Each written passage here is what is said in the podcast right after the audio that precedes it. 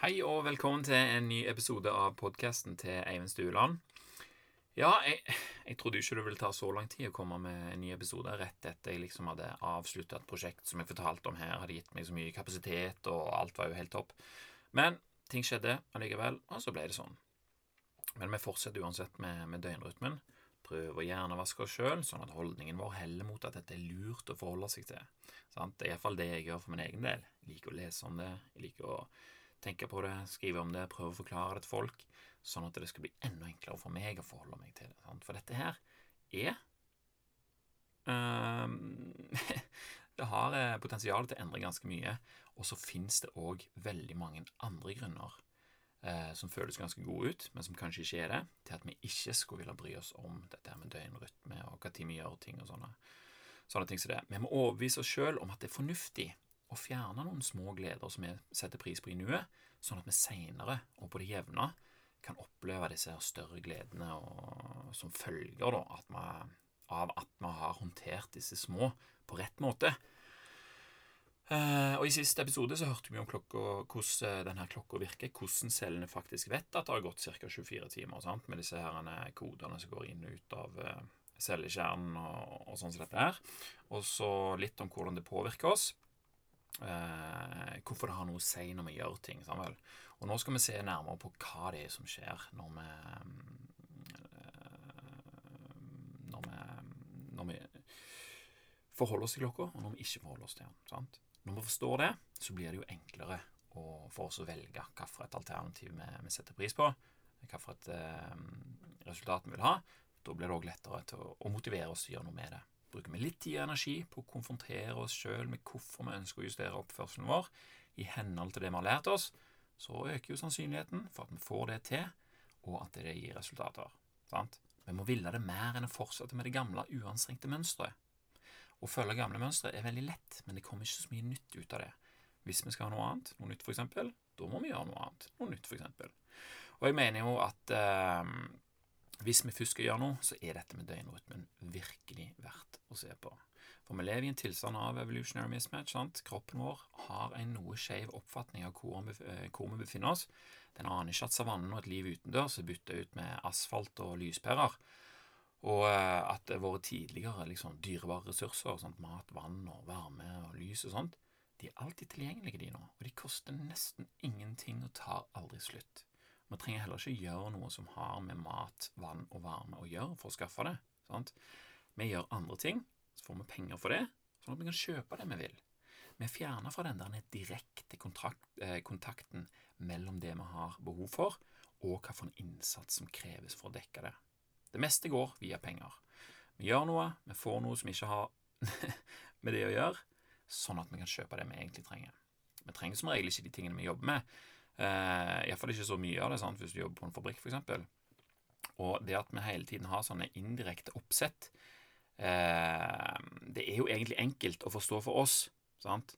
Eh, det som kan være vanskelig, er å føle at den jobben, som f.eks. da er veldig repetitiv eh, Det er vanskelig å føle at du gjør den frivillig, og at du gjør det for ting som du har lyst på. sant? Og at du eh, og at det er for vår egen del. Vi føler kanskje vi må på jobb for å gjøre noe meningsløst, men det er egentlig ikke særlig meningsløst hvis du kobler på dette her at å, nå får jo penger for å skaffe meg mat, varme og tak over hodet, alle de tingene jeg vil ha. Da vel. Men jeg vet òg at det er mange som liker jobben sin. Jeg er jo en av de. Eh, poenget er her at vi har logiske systemer og måter å gjøre ting på nå som er hakket mer avansert enn når ting er direkte. Og For å forstå hva som skjer, så krever det at vi bruker fornuften vår. Den er ikke alltid like tilgjengelig eller like lett å bruke. Og det er det viktig å huske på, for det er veldig vanskelig å få med seg eh, når du lever sjøl. Liksom. Dette er noe du, nesten, noe du nesten må planlegge for i forkant for å kunne kjenne det igjen og, og kunne vite tid det, det, begynner å ta slutt. Eh, og det kan vi koble til denne tilstanden av evolutionary mismatch den som vi lever i nå. At, eh, at vi blir utslitt i, i hodet vårt fordi det skjer så mye i løpet av en dag. Vi blir eksponert for så veldig mye. Eh, og mange ting kan jo gå galt når uh, vi ikke vet hva som skjer, og det betyr som regel òg at vi kan unngå mange uh, av konsekvensen av tilfeldig oppførsel da, i et komplisert habitat, hvis vi, hvis vi skjønner um, hvordan dette virker. Vi kan hente ut store fordeler ved å bruke fornuften til å navigere det komplekse habitatet. Og det er bedre enn å gå rundt og reagere som om vi fremdeles er på savannen. Sant? Savannen, den ble til. Vi ble til. Samfunnet vårt, det har vi skapt. Da kan ikke vi leve som om vi ble til. Da må vi leve i forhold til at vi har skapt et nytt habitat.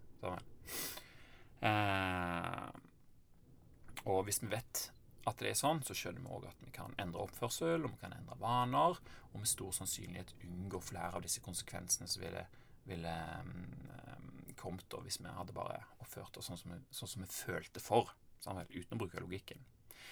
Og hvis vi klarer å holde av nok fornuft og beslutningsevne til noen få områder som viser seg å bety ganske mye, så er vi ganske langt av gårde. Sant? Og reisen kan ende opp med å føle oss langt mindre stravasiøs og et godt stykke mer i henhold til um, ønskene våre. Lys, mat og søvn det er noen sånne områder som påvirker alt annet i veldig stor grad. Sant? Du har hørt om 80-20-prinsippet. 20% av de tingene du gjør, skaper 80% av resultatet. Disse tre tingene er sånne 80-20-saker. Eh, Kroppen den reagerer på, på det vi og det miljøet vårt utsetter den for. Fungerer den bedre, og vi vet hva kroppen tror, og tar ansvar for å tilpasse oss eh, det, så betyr jo det at vi klarer å ta ansvar for å signalisere kroppen vår på en måte som gjør at han oppfører seg i henhold til hvordan vi ønsker han skal oppføre seg. Og da åpner det seg mange muligheter.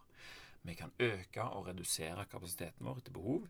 og Det er nyttig når vi skal gjøre noe som krever ekstra mye av oss. Vi trenger ikke ta til takke med hvordan vi tilfeldigvis har det, når vi til en viss grad kan kontrollere dette. her. Da kan vi planlegge hvilken form Eller vi kan øke i hvert fall sannsynligheten vår for at eh, vi skal være i en ekstra god form. Akkurat som en idrettsutøver. De gjør det jo hele tida med å kunne gjøre dette her.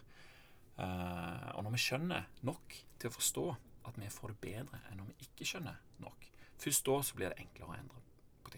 Det må bli mer forlokkende å oppnå framtidige resultater enn å uanstrengt bare gjøre det vi føler for nå. Målet her er jo kort og godt at vi skal skjønne hva vi kan gjøre for å oppnå visse effekter vi ønsker oss. Effekter som gjør oss i bedre stand til å navigere hverdagen, og som i tillegg bidrar til å holde oss friskere og mer anvendelige lenger. Kostnaden den er neppe så stor at dette ikke er verdt å, å, å gjøre noe med.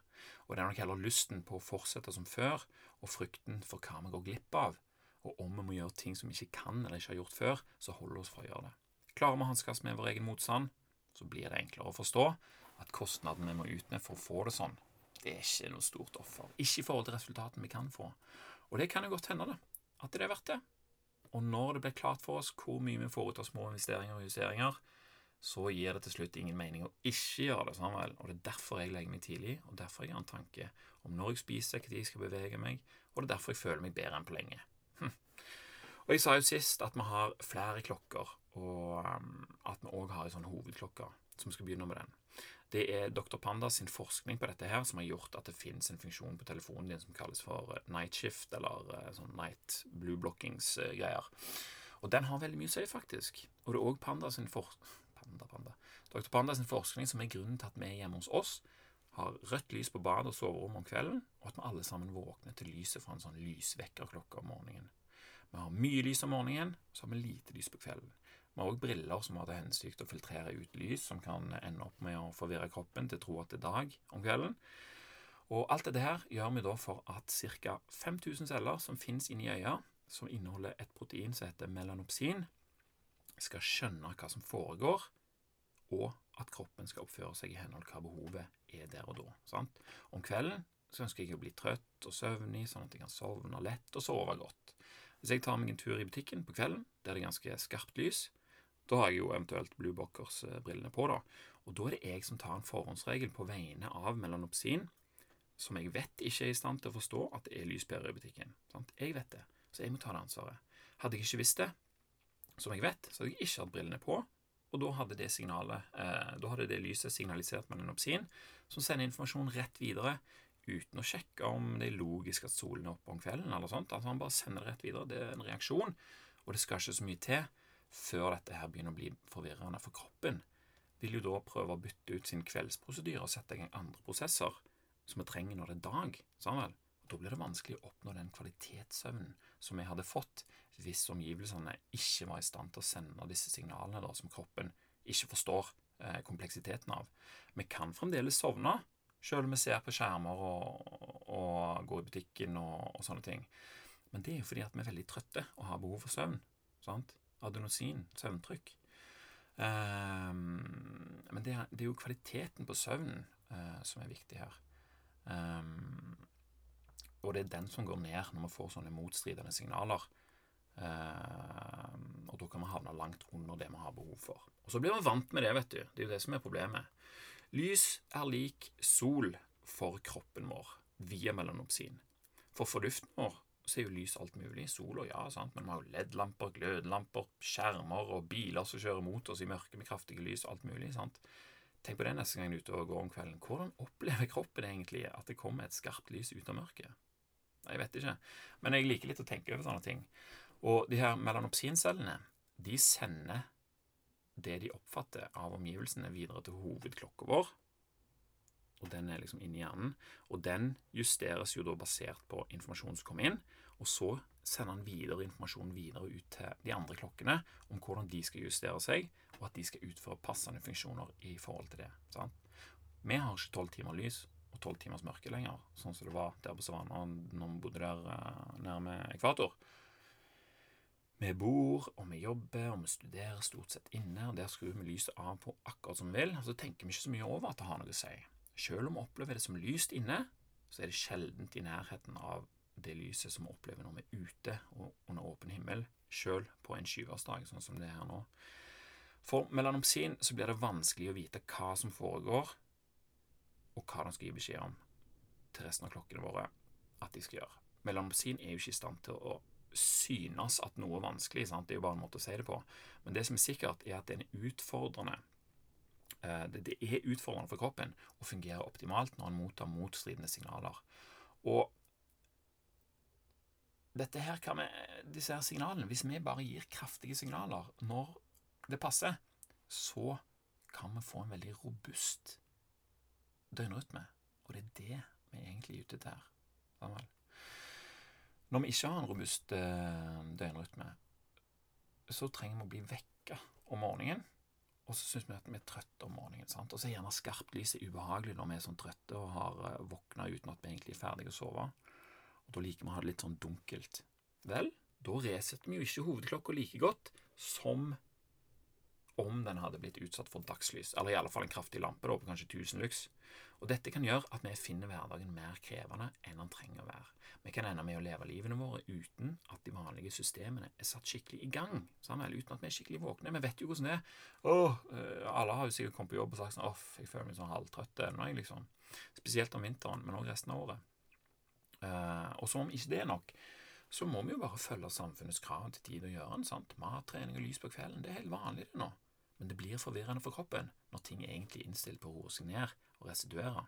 Kroppen som mottar signaler på at det er dag når det er kveld, nullstiller den ene klokka etter den andre, og det er på helt feil tidspunkt i forhold til hva vi skal, hva vi ønsker å kunne gjøre, og hvordan vi utvikler.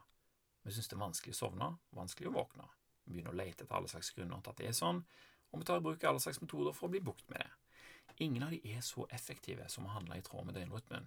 Og dr. Sachin Panda han har funnet ut dette her for oss, ikke bare han, men han og sine gjenger og flere andre forskningsteam òg.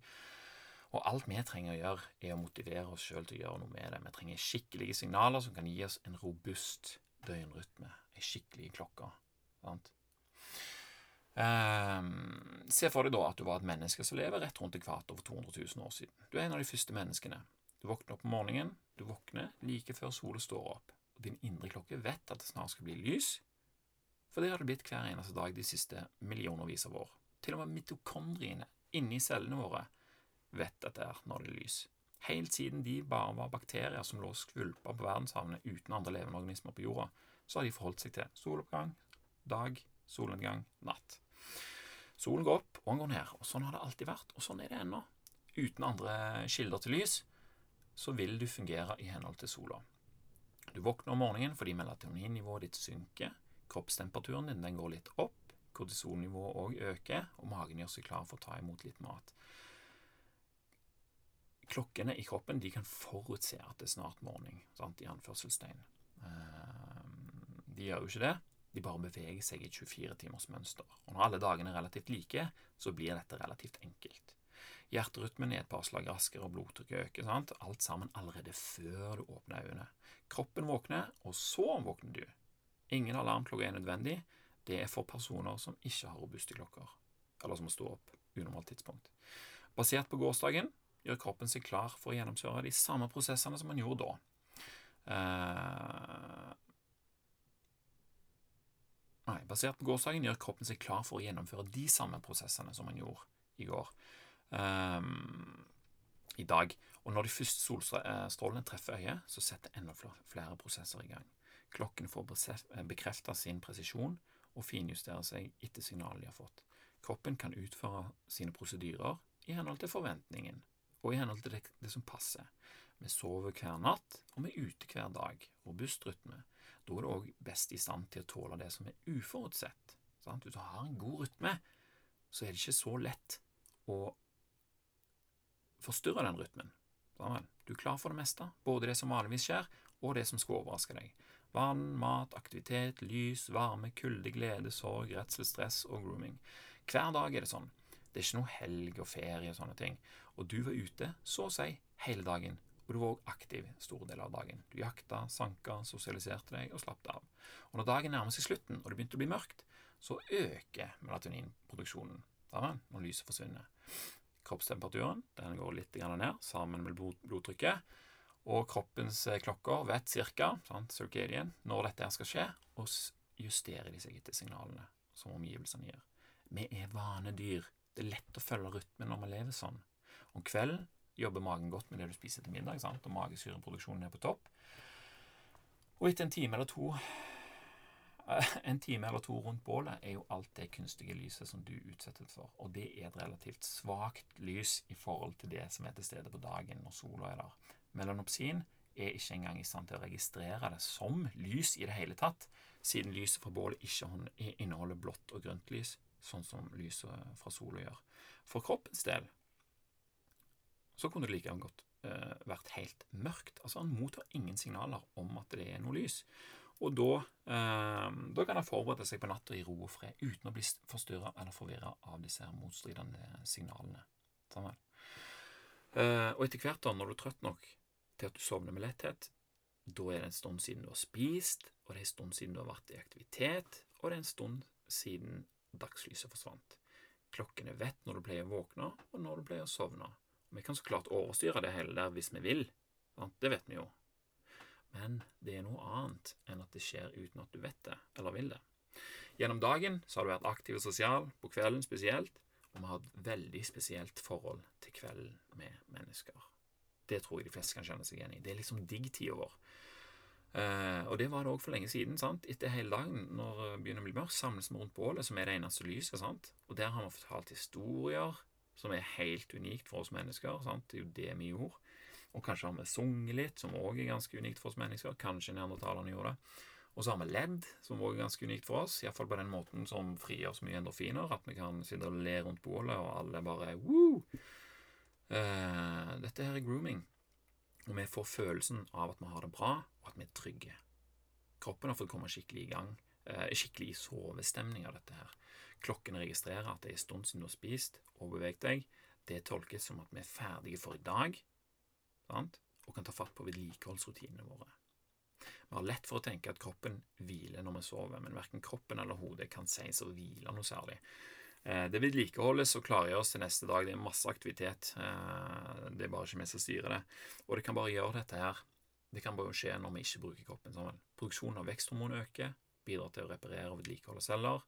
Og når tarmene er ferdig med å fordøye maten som vi har spist gjennom dagen, så er det rom for vedlikehold av tarmlinjen. Og dette her høres gjerne litt sånn vedlikehold av tarmlinjen det, det, er ganske viktig. Rundt 8-12% av tarmlinjen den byttes ut hver eneste natt. Og I løpet av 8-12 dager da, så er den altså fullstendig bytta ut.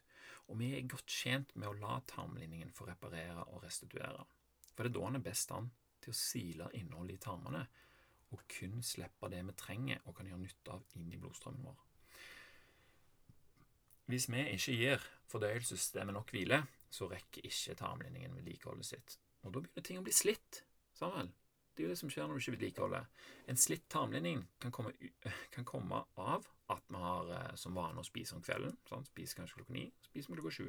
Mm, det er for lite tid.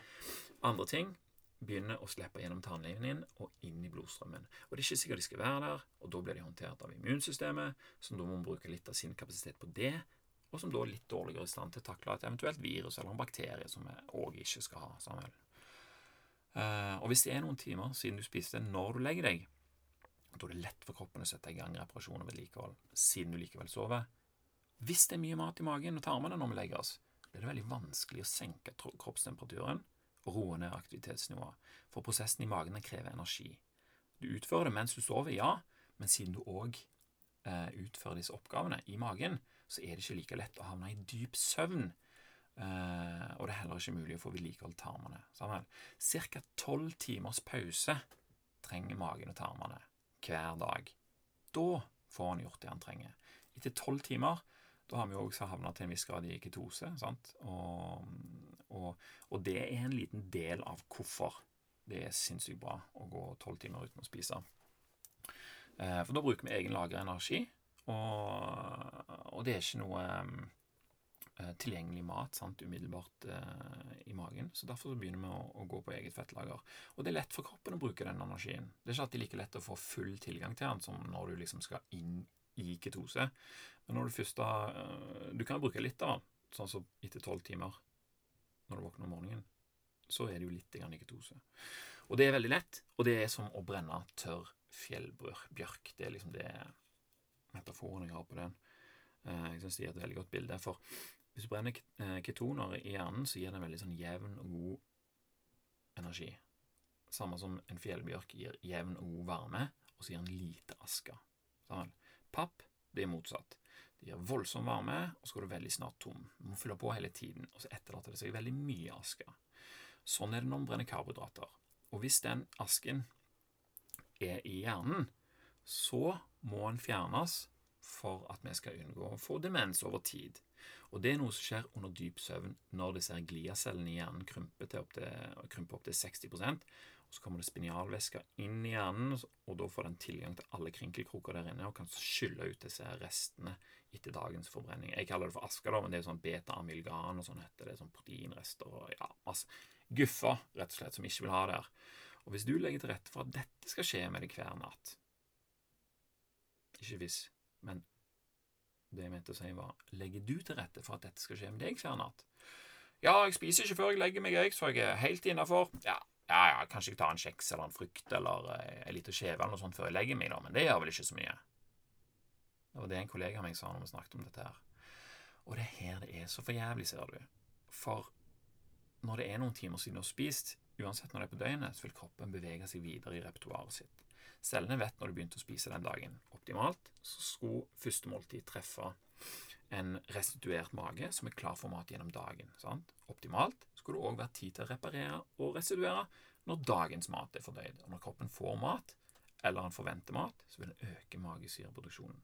Og du kan kjenne at det òg produseres spytt i munnen når du er sulten, når du kjenner lukta av livretten din. Hele tarmsystemet gjør seg klar for å ta imot mal, mat og sile ut det som vi trenger fra den. Blod fra resten av kroppen sendes til magen for å bistå denne her prosessen. Og når maten er ferdig bearbeidet, så beveger prosessen seg videre mot vedlikehold. Og jo lengre tid en får på det, jo bedre blir det reparert og vedlikeholdt. 12 timer er bra, 14 timer er bedre. En fem dagers faste for eksempel, vil gi en veldig solid oppgradering. Men mye er jo dog gjort med disse tolv timene, nå, og det er ikke så vanskelig, bare vi vet hva som fører til hva, og at vi ikke dør om vi ikke spiser snacks på kvelden, til tross for at det føles litt sånn ut, og at vi har veldig lyst på. Se for deg denne kvelden her. Magen begynner å bli klar for vedlikehold siden det er en stund siden du har spist middag. Du har ikke noe reelt behov for kalorier liksom, i kroppen, men klokka ti så blir du likevel litt småsulten. Kanskje fordi du òg spiste noe i går på denne tida. Hmm, det er noe sånt klokkene får med seg. Da forventer de at mat igjen i dag, og spytt og magesyre er på gang, og du får det der suget. Og idet maten er i kjeften din, så rykker vi tilbake fra start. Selv om det bare er en kjeks det er snakk om, magen vet ikke at dette bare er en kjeks. Alt resettes som om det skulle komme et større måltid. Spytt, magesyre, blod til magen, redusert kapasitet i resten av kroppen. Kjeksen må gjennom samme greier som middagen før kroppen igjen er klar for vedlikeholdsprosessen. Det er ikke sikkert det tar like lang tid som om du spiser en stor middag, men det tar ikke veldig lite, eh, veldig lite tid fordi det er en veldig liten kjeks. Så du må gjøre et større stykke arbeid. Eller det skjer flere større prosesser enn du skulle tro, da, i forhold til hvor liten den kjeksen var. Sant? Hvis du spiste Hvis du spiste klokka ti og trenger tolv timer fra da av for å få gjort det du trenger av vedlikehold i magen, da må du vente til klokka ti neste dag før du inntar noe annet enn vann. Sant? Eller er det litt fristende med en kaffe på morgenen, eller et eple, eller hva som helst? Med en gang du tar det i munnen, så signaliserer det at det er slutt på vedlikeholdsperioden. Hvis du da ikke hadde tatt den kjeksen i går, så kunne du spist frokost og drukket kaffe i dag klokka syv, og likevel hatt en super vedlikeholdsøkt gjennom natta. Sant? Og det er da vi begynner å skjønne at vi ikke trenger den kjeksen. Sant? At den er ikke verdt å vente tre timer på frokost i morgen for den. Er den det? Sant? Time restricted eating er det Fatchin Panda kaller dette her for. Litt som periodisk faste, men òg litt annerledes. Alt vi putter i oss som aktiverer leverens tjenester og magen, nullstiller fordøyelsesklokka. sant? Og Det gjelder det meste av det. Det er kun vann som kan tas inn uten at det påvirker disse prosessene. Og alle spør selvfølgelig om det er liksom sånn kaffe og te og sånne ting, men Panda sier at eh, alle som har noe i seg som trenger leveren, vil påvirke den prosessen. Så du skal være helt sikker, så drikker du bare vann. Om prosessen endres litt av te eller litt av kaffe, det var veldig vanskelig å svare på, syns han, på en sånn podkast som, som jeg hørte på. Eh, kun vann i tolv timer, altså. Og da får du eh, gjennomført det mest nødvendige, og du ligger ganske godt an. Utbyttet blir dobbelt så stort hvis du holder deg i 14 timer, og dobbelt så stort som det igjen hvis du klarer å holde deg i 16. Sånn. For det er det som er Det er på slutt Denne prosessen er ganske lang. Og hvis vi avbryter den før den blir ferdig, så får vi ikke tatt denne veldig, veldig gode mm, slutten der. Bare de to timene, fire timene ekstra øker effekten så sinnssykt mye. Og det er sånn jeg alltid tenker når jeg faster. Hvis vi faster i to dager, så vet jeg ok, da er jeg iallfall i veldig god ketose, og, og mm, autofagien er godt i gang. Og så vet jeg at eh, etter dag tre så har eh, autofagien en tendens til å øke veldig mye. Så hvis jeg har fasta i tre dager, så har jeg jo akkurat kommet dit. Sant? Og det kan jo virke som et mål, men eh, det blir jo veldig dumt å avslutte da, egentlig. For da kan jeg jo bare holde meg i en dag til, egentlig, og få kanskje to-tre ganger effekten av de foregående dagene. Sant? Det er sånn det blir å tenke litt eh, om dette her òg at når du først har holdt i 12 timer, hvorfor ikke ta 14 og tjene dobbelt så mye på eh, Eller gjør, gjør, kroppen din den tjenesten at du får dobbelt så mye fordeler ut av, uh, ut av den pausen, da. Eh, det som er med 16 timer, det er at det er veldig vanlig at kiloene begynner å forsvinne. nå. For vanligvis når vi kutter ned på spisevinduet vårt, så vil vi spise mer i spisevinduet. Det, det regulerer seg overraskende nok ganske enkelt sjøl, men når du, når du, tyner det på 16 timer, så blir det litt vanskeligere. Så jeg merker jeg gikk ned Jeg er vanligvis en sånn 98-100 kilos fyr, men i hele høst så har jeg liksom ligget på sånn 93-95. Og det er egentlig ganske behagelig. Jeg gjorde ingenting for at det skulle bli sånt, annet enn eh, økt respekt for eh, døgnrytmen min.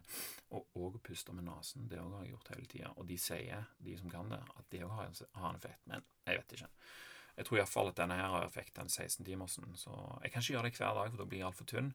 Men 12 timer, det er superchill. Og så og det som Sachin Panda sier òg, som eh, selvfølgelig kvimer litt for seg, er at det, det spiller ikke så veldig mye rolle lenger hva du spiser, så lenge du får den her gode pausen.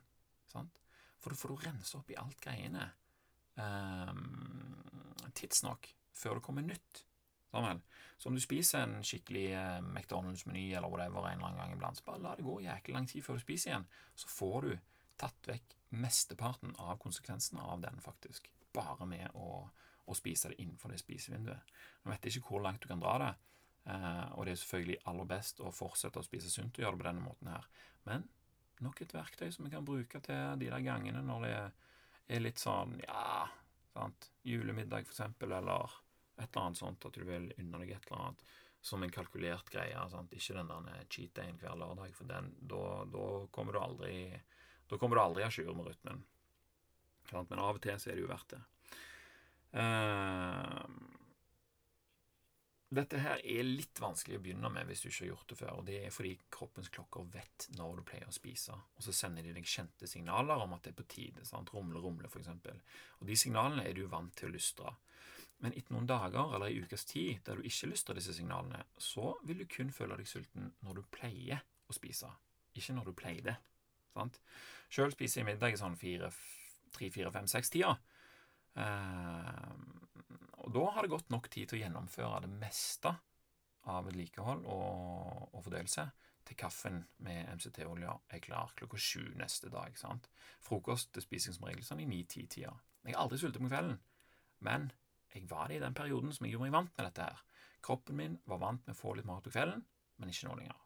Nå er jeg vant med at vi begynner med vedlikeholdet tidligere enn før, og gevinsten av det er det jo jeg som høster. Da? Bedre søvn, bedre fordøyelse, lettere til sinns og en lettere og mer effektiv kropp. Det er sånn jeg føler det. Lettere å puste med nesen er det òg. Dødsnice. Og da blir det òg lettere å holde styr på tankene.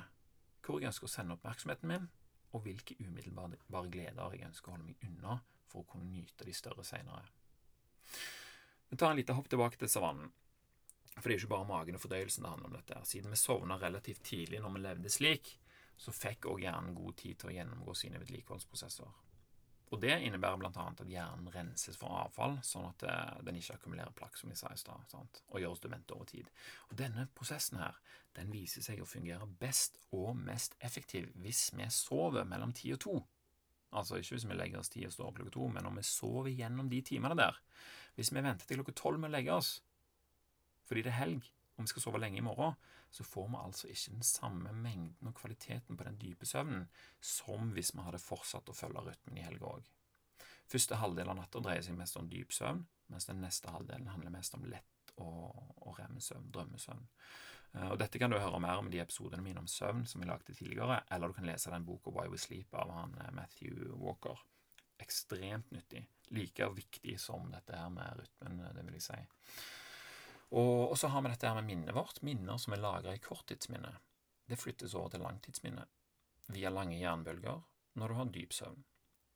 Og så renses hjernen for plakk, og når det er gjort, da er det på tide å trene hjernen i å forholde seg til vanskelige situasjoner som vi kanskje har godt av å ha øvd oss på hvis vi skulle møte på noen virkelige situasjoner som krever det beste av oss.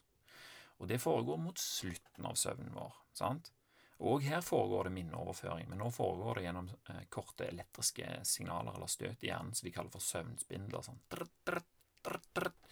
Og sånne søvnspindler de forekommer under lett søvn når det nærmer seg morgenen. Og får vi gjort dette her hver natt, betyr det at vi har ledig kapasitet til å ta mer informasjon når vi våkner. Et must for skoleelever. Samme, de samme som ofte blir vekka for tidlig, og som syns det er vanskelig å legge seg. Er det plass i minnet deres til ny lærdom? Vil den lagres i langtidshukommelsen. Hvis vi ikke får flytta den informasjonen, så vil det bli vanskeligere å ta ny info neste dag. Det er, fremdeles fullt av kjendisladder og nyheter og Instagram-bilder i, i korttidsminnet. Hvis noe skal inn der, så må det byttes ut noe. Og vi kan ikke velge hva det skal være. Og blir noe eh, info i korttidsminnet bytta ut før det, før det havner i, i langtidsminnet, da er du vekke for alltid. Hvis vi får lagt det i langtidsminnet tidsnok, da er det der for alltid. Kanskje ikke helt for alltid, men lenge. Hvis vi ikke har lagt oss tidlig nok i forhold til hva tid vi skal stå opp, så rekker vi ikke å få med oss dette her. Hvis vi har lagt oss seint og våkner for tidlig, så går vi glipp av begge de viktigste prosessene søvnen skal gjøre for oss. Dyp søvn og rem-søvn. Og på toppen av det hele så husker vi ikke hva vi driver med. Og da er det veldig kjedelig å legge seg, og det er tungt å både stå opp og, det, og leve. Tyngre enn det hadde vært om vi hadde justert oss etter døgnrytmen. Vi setter i gang med dagen før vi er klare når det er sånn som det der. Prosessene skal hjelpe oss gjennom dagen, de har ikke fått forberedt seg skikkelig, sånn at de kan være så effektive som de kan være. Vi får lavere kapasitet og høyere risiko for å fortsette å ha lavere kapasitet enn hva vi kunne hatt. Kapasiteten kan ha en fantastisk renters renter-effekt hvis man er i god flyt. Men hvis vi er i en dårlig en, så blir det fort som kredittkortfella som gjør at vi aldri kommer oss ovenpå. Og her er det duka for en liten pause, sånn at jeg slipper å styre altfor mye med disse filene. Det er mye lettere å legge ut to episoder enn en lang om å komprimere den og, og sånt. Så stay tuned, så fortsetter vi rett etterpå.